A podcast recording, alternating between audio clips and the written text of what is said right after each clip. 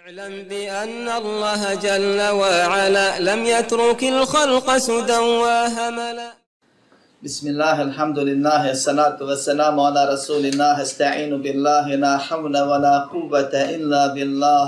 اللهم لا سهل إلا ما جعلته سهلا وأنت تجعل الحزن إذا شئت سهلا اللهم أرنا الحق حقا وارزقنا اتباعه وأرنا الباطل باطلا وارزقنا اجتنابه.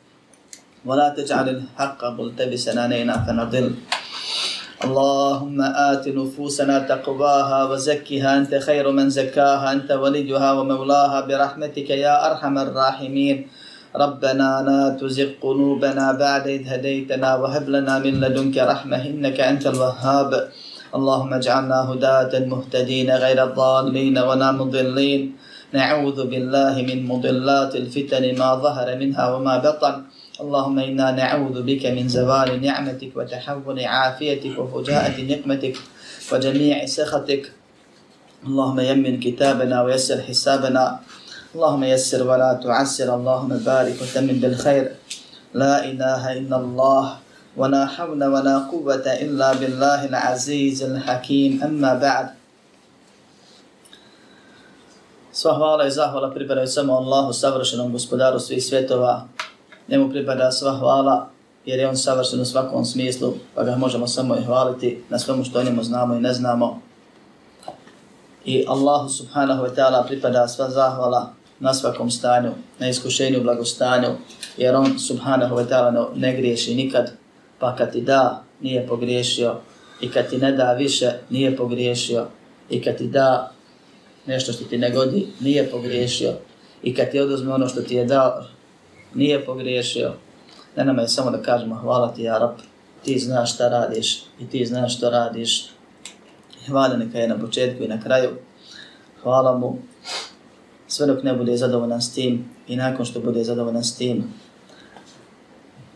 Od njeg pomoć, oprost i uputu tražimo koga Allah subhanahu wa ta'ala uputi napravi putome nema zablude, koga Allah sveznajući, savršeni, svemilosni, pravedno u zabludi ostavi, tome nema ni pomagača ni upućivača, zato sebi spas i svako dobro tražimo i od svakog zla bježimo. Kad sve dok živimo srcem, jezikom i dijelima Allaha radi svjedočimo da nema drugog Boga sem Allaha jedini i nema sudruga. I da je Muhammed sallallahu alaihi wa sallam Allahu rob najbolji i njegov poslanik posljednji. A zatim nastavljamo sa komentarom tri temelja vjere. Prva i najbitnija knjiga iz oblasti vjerovanja u Allaha subhanahu wa ta'ala i to one osnovne oblasti u okviru vjerovanja u Allaha, a to je vjerovanje u Allaha u jednoću i osnovne stvari koje musliman treba i mora da zna kad ga iz jasna probudiš. Jer će tako biti kad ga meleci trznu, prepadnu pa ga pitaju u Kabulu. Odgovorit će onaj koji je vjerovao koji je znao, koji je potom djelovao i na tome ustrajao i preselio. A ostali će pasti, da nas Allah sačuvati. Tevhid, vjerovanje u Allahu subhanahu wa ta'ala jednoću koji se ogleda kroz čvrsto ubjeđenje da je Allah subhanahu wa ta'ala savršen, opisan najpotpunijim opisima i nazvao se najlepšim imenima, da je Allah subhanahu wa ta'ala jedini gospodar stvoritelj, vlasnik, upravitelj, sudija, svega, svemu stvorenome, da je Allah subhanahu wa ta'ala jedini koji smije i mora da mu se ibade čini, da ga se moli, da ga se obožava, te rad potome do smrti, to je vjerovanje u Allahu subhanahu wa ta'ala jednoću. To je prvo i najbitnije dijelo koje Allah subhanahu wa ta'ala traži i sve ostalo su ogranci tevhida svaki dio islama, svaki islamski propis najsitniji se kača, lijepi, nadograđuje na to. Ako nema toga, to je samo jedna hrpa stvari koje su onako nabacane koje Allah ne prima. Jer Allah je dobar i prima što je dobro ispravan i prima samo ono što je iskreno ispravno. Allah subhanahu wa ta'ala za tevhid nagrađuje posebno što ne nagrađuje ni za što drugo. I tevhidom Allah subhanahu wa ta'ala briše od greha što ne briše ničim drugim. I mi kad spominjemo i kad razmišljamo i kad nas šetan prevari pa posrnemo i kad se Allahu kajemo i kad hoćemo da se popravimo za Allahu pomoć i dozvolu, mi razmišljamo čime bi to mogli da, da se tako izrazim, pokrpimo dostatke koje smo napravili. I obično čovjek nam pada stvari koje jesu ispravne. Istigfar, pokajanje, onda počneš da radiš neka dobra djela, što je propisano na čemu smo se odgajali svo ovo vrijeme Kao što kaže Allah poslanik alaihi salam, وَأَتْبِعِ سَيِّئَةً حَسَنَةَ تَمْحُهَا Nakon svakog grijeha učini dobro djelo koje će ga izbrisati. A zaboravljamo da je najbitnije što imamo od svih dobrih dijela iskreno, ispravno, nepokolebljivo vjerovanje u Allahu subhanahu ta'ala jednoću, vjerovanje da je Allah savršeni gospodar koji jedini mora da se obožava i rad po tome ono što radimo od dnevnih i noćnih ibadeta. I čovjek s druge strane S jedne strane, dakle, treba da se nada posebno da ćemo Allah zbog ovoga oprostiti grehe, da ćemo Allah zbog ovoga prijeći preko nedostataka, da će ga Allah zbog ovoga sačuvati od belaja na ovom i na onom svijetu. I s druge strane, kad se Allahu subhanahu wa ta'ala molimo i kad se Allahu subhanahu wa ta'ala hoćemo u dovi da umilimo, a govorili smo u četvrtak ovdje hadis o trojici iz pećine i načinu umiljavanja Allahu subhanahu wa ta'ala u dovi spominjući dobra djela posebna, pa koji je bio malo mi je svežije nego ostalima, svima je poznat hadis, mene više. Najbitnije što imamo i što možemo da založimo je naš odnos prema nebimu kroz tevhid, subhanahu wa ta'ala. Da ga molimo našim vjerovanjem u tevhid u momentu kad se širk raširio, umnožio, osnova na zemlji postao. Nakon tevhida, ili prvog dijela tevhida. Najvrednije što musliman ima i najteže na vagi dobrih dijela na sudnjem danu i najpreće zbog čega bi mu se Allah subhanahu wa ta'ala mogao smilovati i oprostiti mu grijehe je ljubav i trud u primjeni sunnata poslanika Muhammeda sallallahu alaihi wa sallam. Dakle, u prvom slučaju odličan od širka i primjenjivanje tevhida i ustrajavanje na tome, a u drugom slučaju odricanje od novotarija i želja da se ibadeti onako kako je Allah subhanahu wa ta'ala zadovoljan, kako je to Muhammed sallallahu alaihi wa sallam nama najdrže stvorenje Allahovo primjenjivao i radio i na čemu je preselio. I to isto se može založiti u dobi. Spomenući posebne neke segmente truda našeg na tom putu, ako ga imamo, a ako ga nemamo, onda je to najpreće što trebamo u svom životu da uvedemo. Tevhidom Allah subhanahu wa ta'ala izbriše i oprosti što čovjek može naumpast. pa kaže Allahu poslanik sallallahu alaihi wa sallam da je Allah uzvišeni u hadisu kuci rekao Ibn Adam, lau atejteni bi l-ardi hataja thumma laqitani la tušriku bi še'a, la atejtuke bi kurabiha magfiraten. O sina Adama, kad bi mi sa grijesima koji su ispunili cijelo zemlje. Kolika je planeta zemlja? a sretneš me nikakvog ni širka ne činiš, ni velikog ni malog. Ako nije čuo do sad, ili ko ne zna detalje, mora da nauči šta je veliki, šta mali. Jer mnogi od nas misle da ne čini širk. Dok ne dođu i ne sjednu i ne popričaju s nekim ili ne poslušaju neko predavač tevhidu, pa onda se uhvate i vide koliko širka pri sebi imaju u ubjeđenju, u izrazima, u djelovanju. Mislim da naš širk koji izvod izvjede male, da pozvani širk ako me sretneš, ne činiš mi nikakva širka, kada doći ti isto toliko, sa, sa isto toliko oproste. Oprosti ću ti planetu grija. To je jedan od hadisa, a ima ih puno na ovu temu, koji jedno druge pojačavaju. Zato postičem sebe i vas ponovno na ono što je najbitnije, jer smo zbog ovoga stvoreni, da izučavamo propise tevhida, da nadoknadimo ono što smo propustili, da tražimo i saznajemo, da kupujemo i čitamo literaturu na tu temu, jer nema nam ništa preče od toga, zbog toga nas je Allah stvorio i na osnovu toga će nam Allah subhanahu wa ta'ala sudit. I svako dobro ako nam prihvati, zbog toga će nam prihvatiti. I svako zlo ako nam oprosti, zbog toga će nam oprostiti. Sve ostalo je sporedno. Mi znamo iz prakse da nam malo slikovitije bude, da se kuća na temelju gradi, svaka zgrada se na temeljima gradi i da redanje cigle pijeska, cementa, vode, fasade, boje i ostale stvari na jedno mjesto bez temelja se zove hrpa. kamara, gomila, ne zove se zgrada. Ako nije na temelju, plus propisno izgrađeno. Isto je s našom vjerom.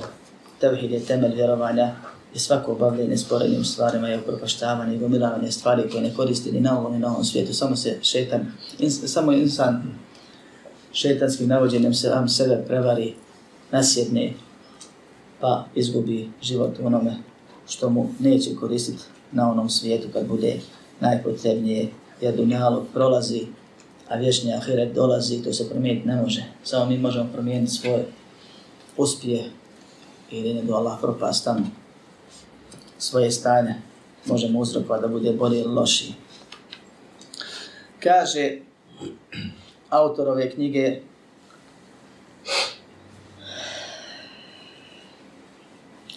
Probao je na ovome deset godina pozivajući u tevhid, a nakon deset uzdignut je na nebo i propisano mu je pet dnevnih namaza i klanjaju Mekih tri namaza, a onda mu je naređena hijra u Medinu, a hijra je preseljenje iz mjesta širka u mjesto islama. I onda spominje još niz rečenica o hijri. Nakon što je Allah subhanahu wa ta'ala naredio mu da širi vjeru javno i da pokaže ispolje vjeru, poslanik sallallahu alaihi ve sellem je pozivao otprilike nekih sedam godina javno i klanjao namaze u Meki jutrom i večerju i onda je u tih sedam godina, zadnje tri godine proveo u totalnoj izolaciji i tad su mu preselili najbliži, najbolji pomagači i zaštitnici i prestrpile su svašta. Allah ga uzdiže sebi kao što smo prošli put detaljno o tome govorili i počastio ga nje'arađom, posjetom i čudima raznim i počastima raznim, brojnim. Pa ga vraća i gore mu objavljuje i naređuje pet dnevnih namaza i vraća se poslanik sallallahu alejhi ve sellem na zemlju i dolazi Džibril za njim i pokazuje mu prvi dan početke, a drugi dan završetke namaskih vremena i počinje on sallallahu alejhi ve sellem i ashabi klanjat namaz onako kako je propisan pet dnevni namaza samo u skraćenoj formi poput musafira danas i na tome je probao još tri godine a zatim mu je dozvoljena i naređena hijra u Medinu. O namazu smo nešto govorili prošli put i za one koji možda ne znaju ili tako se pravi da ne znaju, bitno je napomenuti da ja lično, a i svi drugi uglavnom, pogotovo predavanjem iz akide, kad su u pitanju pravni propisi fikski ili neki akidetski, u ovim predavanjima za vas kao publiku, bilo znači vas koji sjedite predavnom, ili one koji gledaju, prilagođavam stvari maksimalno kako biste mogli shvatiti i progutati. I donosim vam uglavnom zaključke. A ne izlažem vam pitanja, jer nemate vi 12 godina ko sam ja probao da učite ove stvari detaljno, ono i ponovno, i donosim vam zaključke jer nisam došao ovdje da se raspravljam s vama, nego da vam prenesem nešto da Allahovog znanja koje im je Allah dao. Ili daje kad učim konstantno. Pa nema potrebe da mi se javljate sa nizom šubhi i to sa lažnih profila, naravno. Pa kažete, spomenuo si ovdje to i to, i ovo govorim namjerno, jer su, očigledno se radi ljudima koji gledaju, uzmem isečak sa dersa. Ovaj, i a kako ovo, kako ono, a šta kažeš za ovo, a šta kažeš za ono, ko bi vam misli, evo ga, šahmat, sad će on, znači, ispuca što ima, i tu je mene savlada i tako dalje. Pa dobije jedan sin, ili eventualno ne dobije ni to, ako je baš zadrt, onda mu napišem sin slovima, i to je vrhunac ovaj, mogu odgovora takvima, jer nismo mi ovdje da se raspravljamo, naučne rasprave kad se organizuju, naprave se onako kako se prave. Ja ovdje iznosim zaključke na osnovu onoga što sam učio, čak i tamo gdje se nema razilazi. Neka spomenem da ima razilaženje. Neka spomenem nešto od dokaza, samo da shvatite kako ide, da ne bi kritikovali drugo mišljenje. I onda spomenem dokaz koji smatram ispravnim, s kojim Allah obožavam i robujem mu. i mišljenje i dokaz njegov. I to mi je obaveza od Allaha uzvišenog i to prenosim vama. Kome se sviđa, sviđa, kome ne sviđa, hvala Bog ima raznih mišljenja, raznih stavova, raznih predavanja, raznih sekti i vjera, pa nek traži insan ono što mu godi, ako je to cilj. Ali poštedite me, molim vas, takve stvari, jer samo sebe premalijete. Allah vas ne gradi žendetom.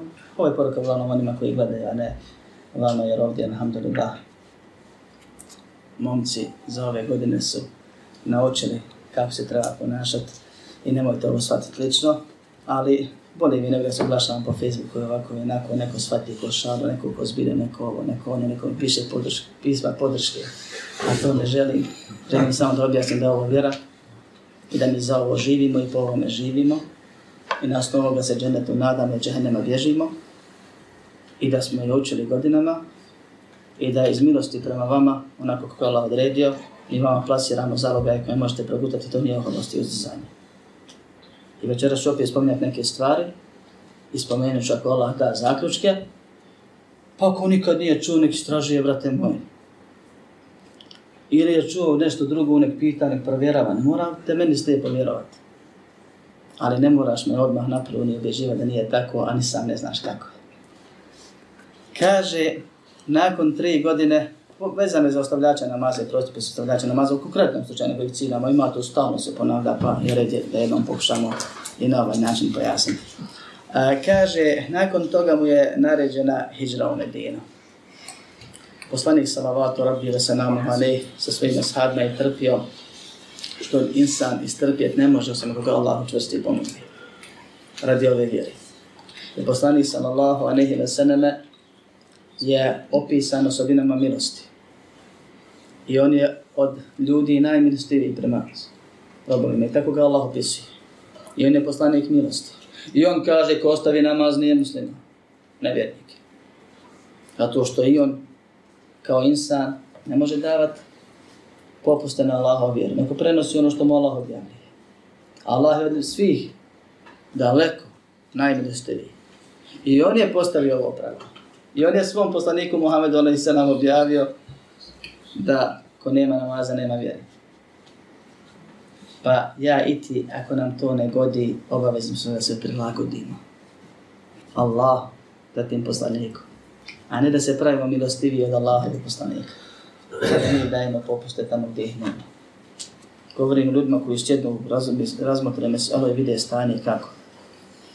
I opet kažem, ima razlaženje u leme, i poštujemo razilaženje u Leme, ko spašno smatra neki drugi stav, neka radi po njemu slobodan, njega ne kritikujem, ne smatra ga možda, on možda čovjek neki, ili tako dalje. Ali govorim ovoj stvari ovako, jer kažu, između ostalih, između ostalih argumenta, kad nešto objasniš ljudima da je teško, da je opasno, da je širk, da je kufr, da je grije, kaže, budite milostivi, olakšavajte, ne otežavajte, sabjerite, ne rastjerujte i tome slične stvari. To ja mogu kod svoje kuće kad prejim kakvo sjelo pa da prilagodim štimom publici koju zove. Ali nikako ja to ne mogu kad prenosim Allahov vjeru. To nije imao pravo Allahov poslanik Muhammed sallallahu alaihi koji je rekao te, te hadise i te poruke. I njemu je Allah subhanahu wa ta'ala rekao in alejke illa al-bala, na tebi ne preneseš. Ballig ma unzine inejke min rabbik, prenesi ono što će objavljati tvoj gospodara. Pa ili lem tef'al, fa ma bellagte li ako ne uradiš, nisi dostavio poslanicu. I mi svjedočimo između ostalo, kad kažem da je Muhammed a.s. poslanik, svjedočimo da je dostavio poslanicu. I ove stvari treba shvatiti i prihvatiti. Poslanik alaihi salatu ve nam je bio milosti prema svojim ashabima. I nije mogao dopustiti ništa što Allah nije dopustio. Pa ni hijđru. Nego kad su počeli dolaziti dozvole, nakon trpljenja i mučenja i ubistva nekih ashaba, dozvoljeno im je, Allahovom dozvolom poslaniku, a zatim imam prenio, da neki od ashaba, ko može, ide, čini hijđu Abisiniju, prvu, drugu, po nekim učenjacima i treću. Zatim se formirala da u ashaba islamska sredina, islamska država u Medini.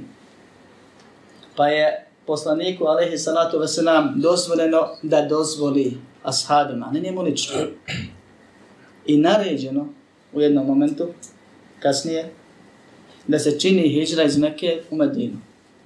Pa je poslanik Alihi Sram obavijestio ashave pa su oni išli, kogod je mogao i kako god je mogao.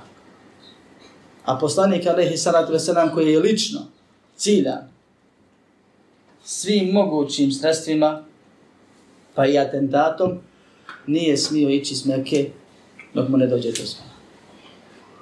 I čekao je dozvola. I Allah usvišeni u Kur'an nam spominje primjer jednog poslanika koji je otišao i ostavio davu na svoju ruku, pa je zaglavio u kitu, utrobi ribe, u tri tmine, smrtonosnoj mis, opasnosti, pa ga je Allah izbavio onako kako je izbavio to ibrat za sebe i priča za sebe. Nije poslanicima da rade išta po svom. I primjer jednog je Allah dozvolio da, da poduči ostale poslanike i vjernike. Da u Allahova vjeri nema pomoći i potvom. Da, se, da ti možeš biti grešan, ali moraš priznati da si grešan. A ne da prilagođavaš vjeru kako bi ispao ti u pravu. I da može i potvom nekako. I tebi se ne sviđa i sviđa i tako dalje. Poslanik Ali Isalam, iako mu je iako mu je priječeno smrću i znao je šta mu se sprema, čekao je dozvolu za hijđu. Pa kad je došla dozvola, onda je krenuo. I uzao je sve moguće uzroke da uspije u hijđi. Da uspije u prebjegu iz Mekije u Medinu. Zaboravio sam tačno koliki broj, ali desetine smo mi na fakultetu, desetine smo mi, znači, samo uzroka nabrojali od momenta kad je, znači, dobio haber s neba, dok nije stigao do Medine i ušao u grad sam, tamo gdje mu je mjesečit. Kakve sve planove imao poslanik Alehi Sram šta je sve uradio i kako je tragove zabacivao i kakve je sve uzroke da nas poduči, da ni najbolje Allaho stvorenje ne može se onako prepustiti ko štatan izvodu, nego mora radi što je do njega, a na Allaha se osloniti. I Allah će ga sačuvati. I ko čita siru ili sluša dersove sire, najće ove stvari, jako korisne. Od odlaska na jogu, zemljivanja pastira, unemljivanja nevjernika za vodiča, boravka u pećini, obezbeđivanja hrane, odlazak, čekanja određeni broj dana, odlazak drugim putem skroz okolnim, korištenjem tevrije kad je rekao da su iz vode i tako dalje i tako dalje. Do ulaska u Medinu s jedne strane, u vremenu podne kad nema ljudi, do, do, do, do, puno stvari. I to sve nakon što mi je naređeno. Da izađe iz Medine. Da učini hijđru. A šta je hijđra? Kad čujete vi riječ hijđra, šta vam prvo na umpadne? Molim? Preseljenje. Preseljenje. To je definicija. Šta te na umpadne kad čuješ hijđra? Ostaviti nešto što je dobro. Kad naš narod kaže hijđra, šta bude? To bi to. Hidžarska nova godina, ja. Sa džira.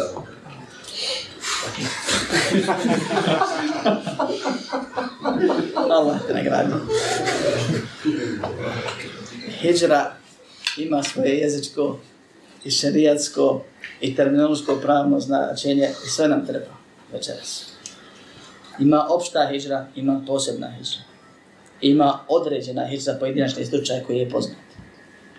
Najčešće ljudima kad kažeš hijra, no pa da im hijra poslanika sa osem ili preseljenje iz Mekke u Medinu. Najčešće. A kad se kaže muhađir, na on pade neki, neko ko, ko je protjeran za svog ognjišta. Što ne mora biti uopšte muhađir. A može. Nije isto onaj koji je ostavio, onaj koji istiran. Nije isto, a može se koristiti jezički, šarijatski zastav situacije, nije te razloge i tako dalje. Pa da čujemo šta je hijđra, jer ona je tekako bitna i obavezna.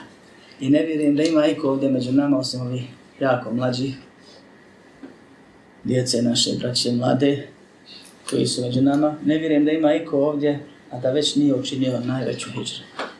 Svi smo mi oko sređa hiljeta, svi smo mi živjeli na islamskim životom i svi smo mi radi Allaha sve to ostavili i krenuli, hvala Bogu, jednim drugim putem nešto što se platiti ne može i što ničim zamijeniti ne bismo htjeli.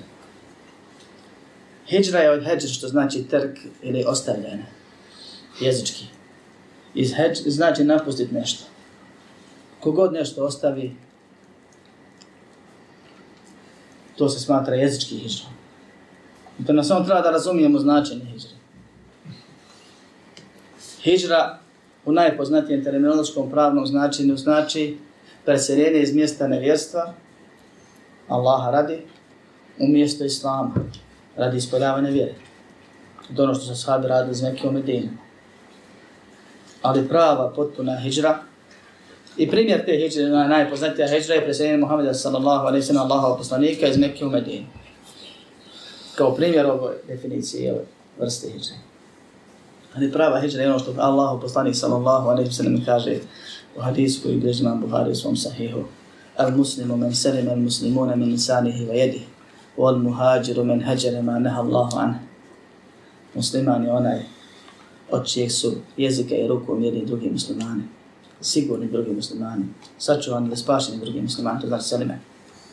A muhađir pravi je onaj ko ostavi ono što Allah zabrani.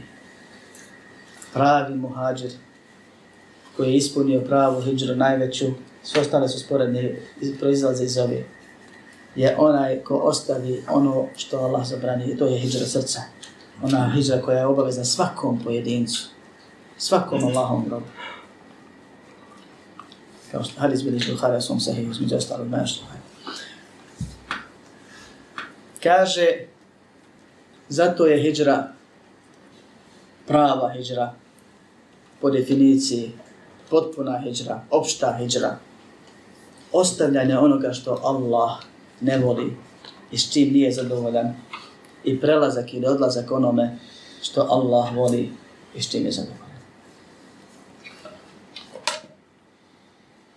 Ostavljanje svega što Allah ne voli i s čim nije zadovoljan.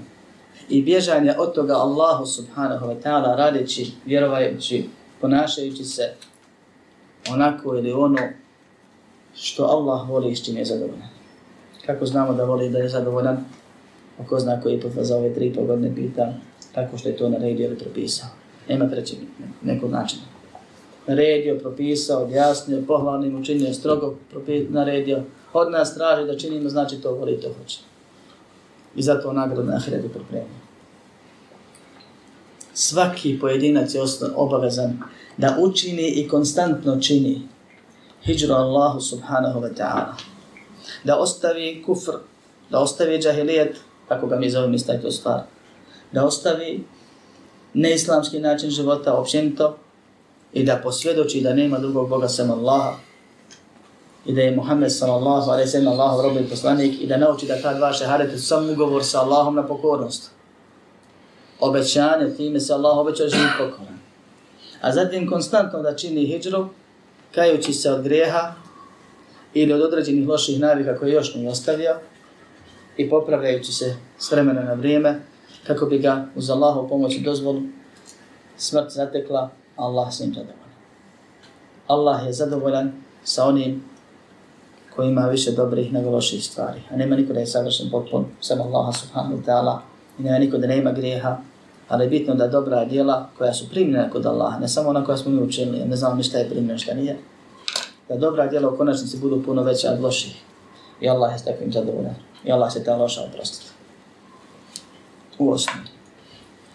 Prema tome, ovo je najbitnija hijra.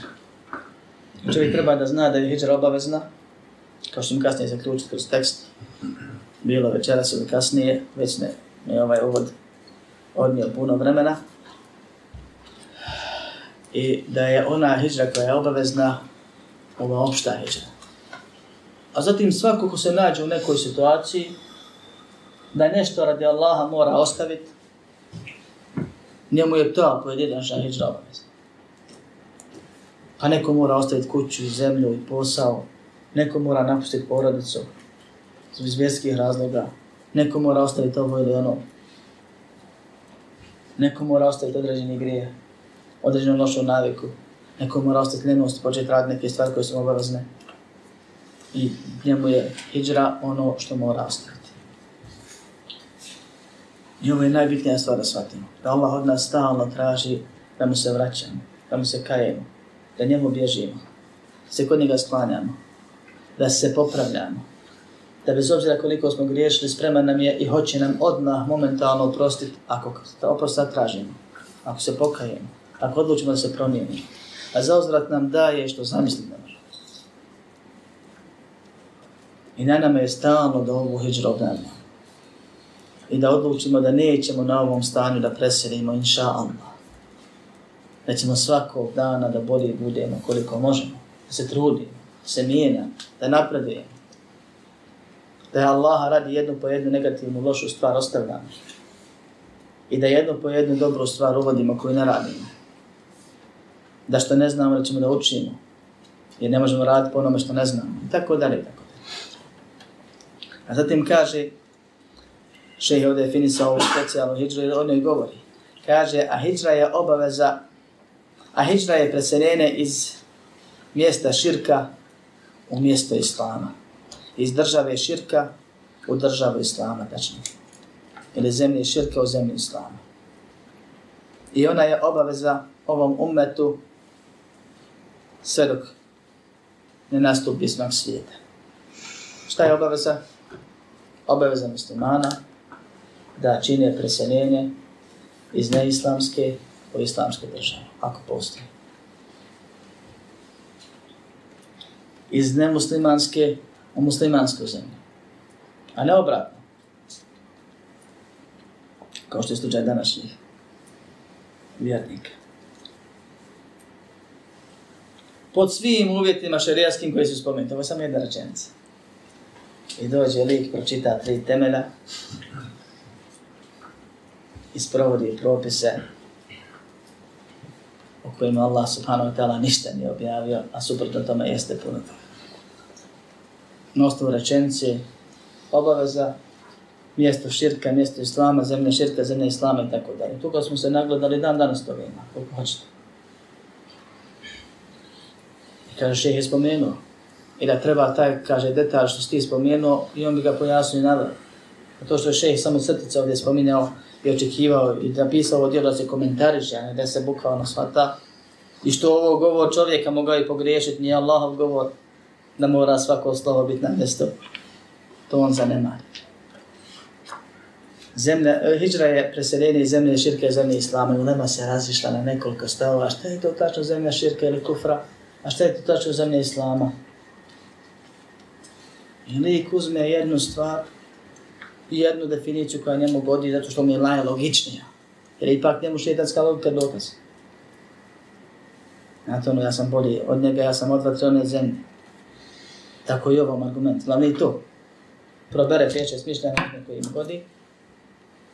I onda lijepi na sve. I kaže, stvar je jasna.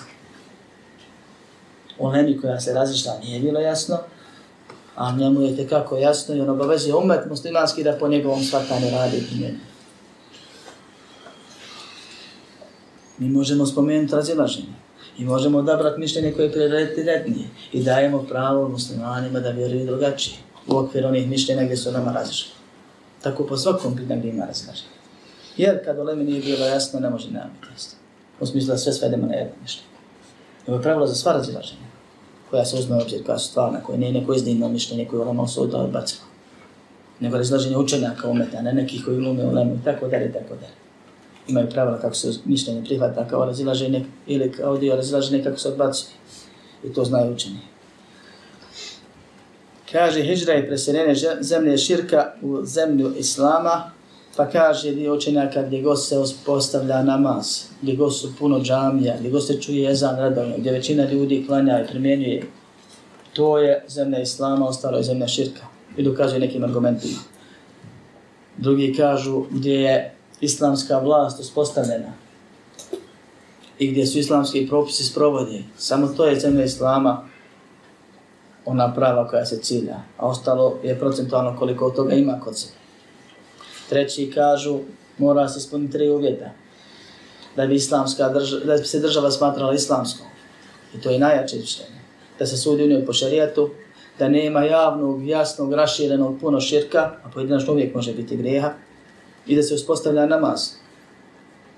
Da se uspostavlja namaz. A sve ostalo su, kaže, kada se kaže uspostavlja namaz, da, da bude sistemski, održali, naređeno i postavljeno ovaj, obavezane imami, postavljeni imami, džani i ostane stvari. Treći kažu gdje god ima više gdje se vjera širi i, primjenjuje i gdje je širk jasno, javno raširen i nadmoćan na tevhidom. Gdje nema puno to, torbeta, gdje nije narod naviknut da većinski ide tamo da se moli. To znači širk raširen. Gdje narod ostaje. Makar bilo to, makar bilo to neko mjesto. Makar ne spriječila država to, ali ako manjina ide tamo, to ne utječe. Da je to zemlja Islama, a ostalo da je zemlja širka. I svi su složni. Da postoji zemlja između dvije zemlje, s tako izrazim. Da postoji nešto što je jasno da je zemlja Islama, to je ono gdje se sudi po šire, gdje se Islam provodi, većinski, javno, jasno. Da postoje zemlja nevjerstva, to su zemlje nemuslimanske, makar bilo ima muslimanskih manjina, da to ne, ne utiče na, na, na naziv zemlje, da to ostaje nevjerička zemlja, bez obzira koliko bilo muslimana koji su manjine, koji su nešto svojim nekim centrima i tako rade, ali ne utiče na vanštinu. I da ima i može biti zemlja u kojoj ima i imana i kufra. U praksi. Puno. Ima puno muslimana i nemuslimana. I kažu da takve zemlje imaju propis procentualno. Nazivaju se islam, ne nazivaju se islamskim državama, jer to nisu, ne nazivaju se ni zemljama kufra, nego se nazivaju zemlje u kojima ima svega, i da naziv zemlje po ispravnijem mišljenju, na osnovu argumenta puno, naziv zemlje ne utiče na propis stanovnika. Pa kad kažemo da je neka zemlja nevjernička ili neislamska, to nikako ne znači da je svaki pojedinac u toj državi nevjernik. Normalno da ne mogu biti muslimani kao stanovnici ili kao posjetioci i tako dalje. Isto tako kad se kaže da je zemlja muslimanska, Medina, koja je bila muslimanska, nakon određenih događaja koji se desili, bila 100% muslimanska, nije bila 100%, 100% islamska bila, nije bila 100% muslimanska, bili smo munafici. Pre toga su bili židovi, posle onog izgona koji se desio s razlogom, ostali su muslimani, među kojima je bilo puno munafika, o kojima Allah govori u Koranu. Pa niko nije rekao da zbog mnoštva munafika da je to nemuslimanska zemlja, ne islamska zemlja. A argumentiraju ima koji su najopširnije mišljenje, najraširenije, da je god ima džamija puno da je to muslimanska, islamska zemlja.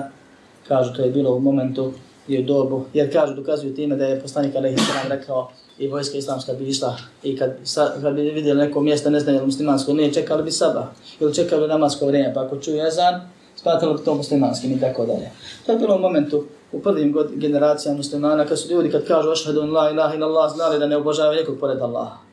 Danas imamo jezane u džamijama, a u toj džami turbe, nakon namaza svakog narod se okrene i moli se evli pored Allaha svada. Svojim očima gleda u nekim zemljama. Znači, I to ne znači taj šehade, taj ezan ne utiče na, na propis uopšte. Tako da, zaključak svega ovoga, namjerno sam vas malo ugao da vidite, a puno ovih detalja ima, svako mišljenje ima svoje argumente, pa kako se odgovara, pa kako se pobija, pa imaju druga mišljenja koja se između spoj ovoga i tako dalje. Ovaj, zaključak ovoga je da postoji nešto zove islamska država i postoji nešto što zove muslimanska sredina i postoji nešto što zove nemuslimanska sredina ili neislamska država sa manjinskim muslimanskim zajednicama u njoj i da nije isti propis ni u jednom ovoj, u ovom stanju ili ove situacije. Svaka od ovih situacija ima poseban propis. Kaže, hijđra je obaveza iz nemuslimanske u muslimansku državu. To je osnova. I učenjaci postavili uvjete za putovanje muslimana iz islamske države u drugu. Da li smije ili ne smije putovati? Pod kojim uvjetem smije? Pa kaže, smije putovati samo ako ima potrebu po dva još uvjeta. Da ima dovoljno znanja da ne bi pokupio njihove šupe pa poljuljao se ovjeri. I da ima dovoljno bogobojaznost da ne bi iskoristio priliku tamo kad vidi kako ljudi javno čine grehe, lahko da i on dok je tamo iskoristi pa radi razne grehe. Ako kod njeg fali neki od ovih uvjeta, ili je siguran, sam sebi mora shvatiti da njemu je zabranjeno da je. Na put. A što tiče boravaka, boravak je još teži. ali sažetak je da je dozvoljeno muslimanu da boravi i da ide iz muslimanske, iz islamske države. Ovdje govorimo o stanju, ne o našim zemljama gdje su muslimanske sredine i manjinske i većinske zajednice, ko što ima na zapadu, nego iz islamske države je dozvoljeno muslimanu da putuje ako ima potrebu, ako ima znanje i bogobojaznost i glavni uvjet, ako može da javno ispoljava i promoviše svoju vjeru. Bez ovog uvjeta ne može proći. I na to se odnose raznorazni dokaze koje je še ovdje spomenuo i koji postoje još u knjigama Akide i Fika. Da čovjek ne smije biti putovati i boraviti u nemuslimanskoj sredini ako ne može javno ispoljeti svoju vjeru. Da pokaže da je musliman i ako ga neko pita da kaže ja sam musliman i jedina, vjerujem da je jedina vjera kod Allaha i Islama, poštujem to tvoje. I dozvoljeno muslimanu da iz islamske države boravi ako ima potreba, potrebe su razne, bilo diplomatski razlozi, bilo dava koja je jako velika potreba i opravdana, kao što spominje učenjaci da poziva tamo ljude u islam, bila trgovina, ashabi su išli trgovati drugi, složni su islamski učenci se smije trgovati pod onim uvjetima koje sam spomenuo, bilo liječenje, bilo studiranje nauke koja treba muslimanima, bilo neki zadatak koji ga pošalje islamska država da obavi i tako dalje i tako dalje. Sve dok ima potreba, neki su stavili da mora biti uvijek nužda, ali, ali nije ispravno, ispravno da je, treba, da je dovoljna potreba, stvarna potreba, i ostali uvjeti. I da može da ispoljava javno vjeru svoju. Da može da upražnjava farzove, da može da upražnjava vađibe, da može reći ja sam musliman. Ako ne može, ne smije tamo boraviti. Ni zbog posla, ni zbog čega drugog. I svako neka se zapita ko ode tamo, da li on zaista u svojoj sredini može ili ne može, neka mi na sredini, mora ja državu. Neka mi na radnom mjestu. Haramo je boraviti tamo. I sve ono što slijedi. Nije mala stvar. I ovo učenjaci nadugo i naširoko pišu. I objašnjavaju objašnjava detalje. I kad se čovjek preseli u neku zemlju, ode iz muslimanske sredine, a ne iz islamske države, u neku zemlju ne bi trebalo da ima nije da tamo preseli, tamo živi do kraja. Trebalo bi da ima nije da ako već ošao radi posla, ošao radi posla ili nečeg drugoga, kad završi to svoje, da se vrati. Pa je u osnovi znači hijđra obavezna kome? onome ko ne može da, uspo, da ispoljava svoje vjere. A pohvalna je ostalima. Nije lijepo da musliman boravi među nam muslimanima, da mu vjera upada, da se bori za sitnice koje će normalno s muslimanom preminjivati. Lijepo je da dođe i da živi s muslimanima. Makar to bilo siromašno. Da ostavi Allaha radi ono malo dunjaluka, a dobije puno vjere. Ili lakše praktikovane vjere. Ili slobode ispredavane vjere ali nije mu obaveza da se seli od tamo u islamsku državu, sve dok može ispoljavati vjeru i dok ima potrebu. Dok nije onako lijepo mu tamo, pa hoće reći. To je kada je u pitanju islamske države. Kad su u pitanju muslimanske sredine, a to je sve ono gdje znači nije islamska država, gdje ima puno muslimana boravi poput naših, ovdje dijelova federacije, širom svijeta takvih ima, tu je propis blaži. Tu se ne može reći da je haram čovjeku da ode odavde tamo, jer nije velika razlika, ali je propis da je pohvalno da se ne ide i da je pohvalno da se vrati. Nije mu obavezno da se vrati pohvalno. A svakako svakome ko ne može ispodavati vjeru i obaveza da izađe iz tog mjesta. A ne mora doći ovdje, može otići u neko drugo mjesto. Ali ne smije čovjek boraviti u mjestu gdje ne može ispodavati vjeru. I Allah subhanahu wa ta'ala u Kur'anu poziva i kaže Ja ibadi alladhina amenu inna ardi vasi'atun fa iđaje fa'abudun. O moji robovi koji vjerujete ili koji tvrdite da vjerujete. Moja zemlja je prostrana, obožavajte me. Ne možeš ovdje, seli se gdje možeš. I obećava oprost, i obećava obskrbu, i obećava mnoge blagodate onima koji odu. I Allah radi se iseli i promijeni sredinu. Kaže, hijra je farz ovom umetu iz mjesta širka u mjesto islama, pod uvjetom da ne može ispoljavati vjeru, inače je pohvalna. Također iz mjesta nevjerstva u mjesto muslimanske sredine je ostaje pohvalna. I treća, treći oblik unutar muslimanskih sredina ili dijelova islamske države, ako ima neko mjesto koje je poznatije po pobožnosti i neko mjesto poznatije po griješenju, pohvalno da ljudi sele se iz tog grada u mjesto gdje mogu bolje oni njihove porodice, njihova djeca primjenjivati vjeru, osim osobe koje imaju potrebu tu da borave i osobe koje popravljaju stanje koje pozivaju vjeru. Njima je preče da ostanu tu. I njima je čak obaveza da neko bude tu. I kad se u Bagdadu promijenilo stanje i pokvarilo stanje, mnogi učenjaci su odselili. I kad se u Egiptu promijenilo i pokvarilo stanje, mnogi učenjaci su odselili. Ali su neki ostali da pozivaju. Davno prije, hiljad godina tako. I više. Ljudi su selili, bježali sa svojom vjerom i čuvali. A onaj koji učestvuje u davi, u pozivanju, u organizovanju muslimana, u čuvanju muslimana, u savjetovanju muslimana, njemu je preče da boravi, ako baš ne strahuje da svoju vjeru, i Allah će ga pomoći sačuvati, da boravi tu i da poziva i širi dobro, nego da se seli. I ponekad bi to biva, ako što kažem, to i nije obaveza da ostane. Zavisno od situacije i prilike. Mnoga traje propis hijđe. Ima ljudi kažu hijđa je bila, to je bilo preseljenje Muhammeda a.s. iz Mekke u Medinu. Poslanik a.s. preselio, Mekka slobodna, Medina slobodna, neće hijđa je traži. I zato šeh ovdje spominje odgovara takvima i kaže propis hijđre traje dok traje svijet. Dok ne nastupi smak svijeta. I spominje dokaze za sve ove stvari. Kaže dokaz je su riječi Allaha subhanahu wa ta'ala inna alladhina tawaffahum al-malaikatu zalimi anfusihim qalu fi man kuntum qalu kunna mustad'afina fil ardi qalu alam takun ardu Allahi wasi'atan fatuhajiru fiha fa ulaika ma'wahum jahannam wa sa'at masira illa al-mustad'afina min ar-rijali wal nisa'i wal wildani la yastati'una hilatan wa la yahtaduna sabila i do kraja. Kaže gospodar svjetova. Govoreći o muslimanima koji su ostali u Mekki nakon hijđre nisu svi otišli. Oni koje kad meleki budu usmrćivali, kad im budu dušu vadili i budu ih pitali na čemu ste bili, šta vam je bilo? Znači nešto nevana. Što si ta, u tom stanu pre? Što si grešnik? Kao što je pojašnjeno došlo. Reći će kunna mustat'afina fil ard. Bili smo potlačeni. Nismo mogli ispoliti vjeru. Nismo nam dali. Nismo smijeli. Spominjat će opravdanja. Pa će i meleci odgovoriti, Anem tekun ardu Allahi vasi'aten fetuhađiru fiha. Zar Allahova zemlja nije prostrana da hijđu učinite, da, da, da preselite na drugo mjesto. Pa Allah obještava, je li im primio to opravdanje, nije. Fa unaike ma'vahum jahannam wa sa'at masira. Takvima će boravište biti jahannam. A grozno je boravište.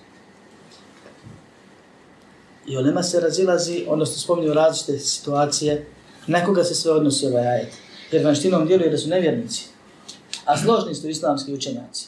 Da ostavljene hijđre sa mogućnošću je grijeh, a ne kufr. I tu su samo Haridžije pokriješe. Prije, davno prije i dan danas. I kad se formirala Haridžijska takozvana islamska država i Sirediš i tako dalje, njen glasnogovornik u početku je govorio, a govorio ono što mu se napiše i dozvoli, jer je bio član šure, nije bez ze pričao, da oni ne, ne smatraju nevjericima ostane muslimanima. Da bi nepunu godinu nakon toga, u poznatom proglasu, rekao, oni koji nisu učinili hiču kod nas, koji izdošli kod nas da živi, učinili su kufr odakle znaju ili odakle ne znaju. Što bi mi rekli svjesno ili nesvjesno. Možda je svjestan da je nevjernik, možda nije. Ali po njima je svako ko nije u istinu nevjernik. Što? A to što nije učinio hađer. I dešavalo se to još prije. I šeheh Muhammed ibn al-Wahabu, autor ove poslanice, su spočitavali i pregovarali da oni, kad su osnovali državu islamsku u Saudiji, onu, onaj emirat koji je bio, da oni smatraju nevjernicima sve one koji ne čine heđu njima, Pa je on na više mjesta objašnjavao da nije tako, a evo i ovdje spominje ovaj ajet upravo zbog toga.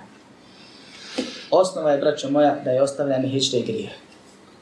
Ali ako ti zato što nisi učinio hijđru, vremenom popustiš, pa neko dijelo nevjerstva ne do Allah učiniš, onda ti hijđra nije opravdanje, prisla nije opravdanje, sam sebe bacio prisla. I zato dio učenjaka kaže da je ajet objavljen vodom oni koji su poginuli na bedru, ostali u, Meku, u Mekke nisu učinili hijđru, pa su mobilisani. I na bedru se borili protiv poslanika Alehi Sana, a vjerujući u njega, i ashaba. Pa kaže da se na takve odnosi, da su ovdje nevjernici, da je ovo ravno trajno boravište džahennem. A na ostale da su služili džehennem. Privremeno. A je privremeno ili trajno grožno boravište. Nije bitno koliko platiš. Pa je osnova da je ostavljanje hijđre grije. Ali čovjek ostavljanjem hijđre može zaglaviti još više i zaglibiti još dublje. Napravi sebi još veći problem. Da vremenom postanu neke stvari svejedno ili da prihvati neke stvari.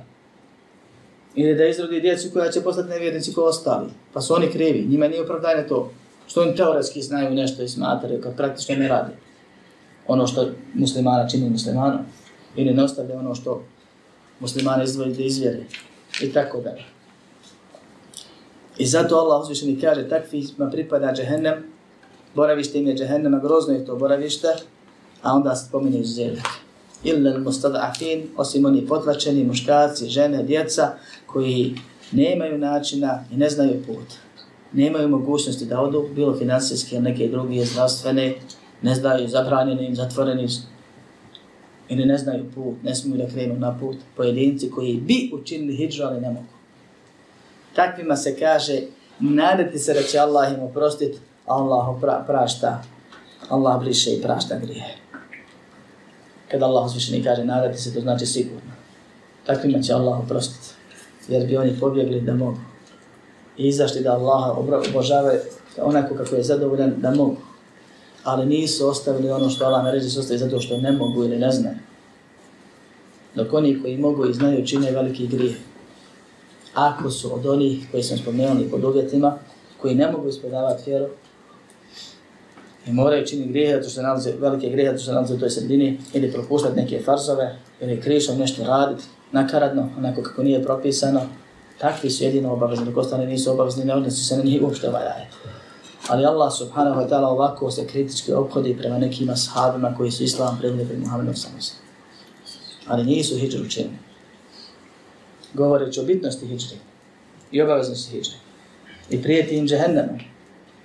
Zato što su preselili s raznim grijesima, a sami su to sebi uzrokovali ostajući tu gdje jesu, ne izlazeći tamo, a bili su u stanju. Zatim je spomenuo šehajet koji sam malo prije citirao o moji robovi koji vjerujete, moja zemlja je prostrana, pa me obožavajte. Kaže Imam Begavi, rahimahullah, ovdje je šeh spomenuo, prepričao, nije ga citirao, ali isto je značenje u tefsiru, samo druge riječi.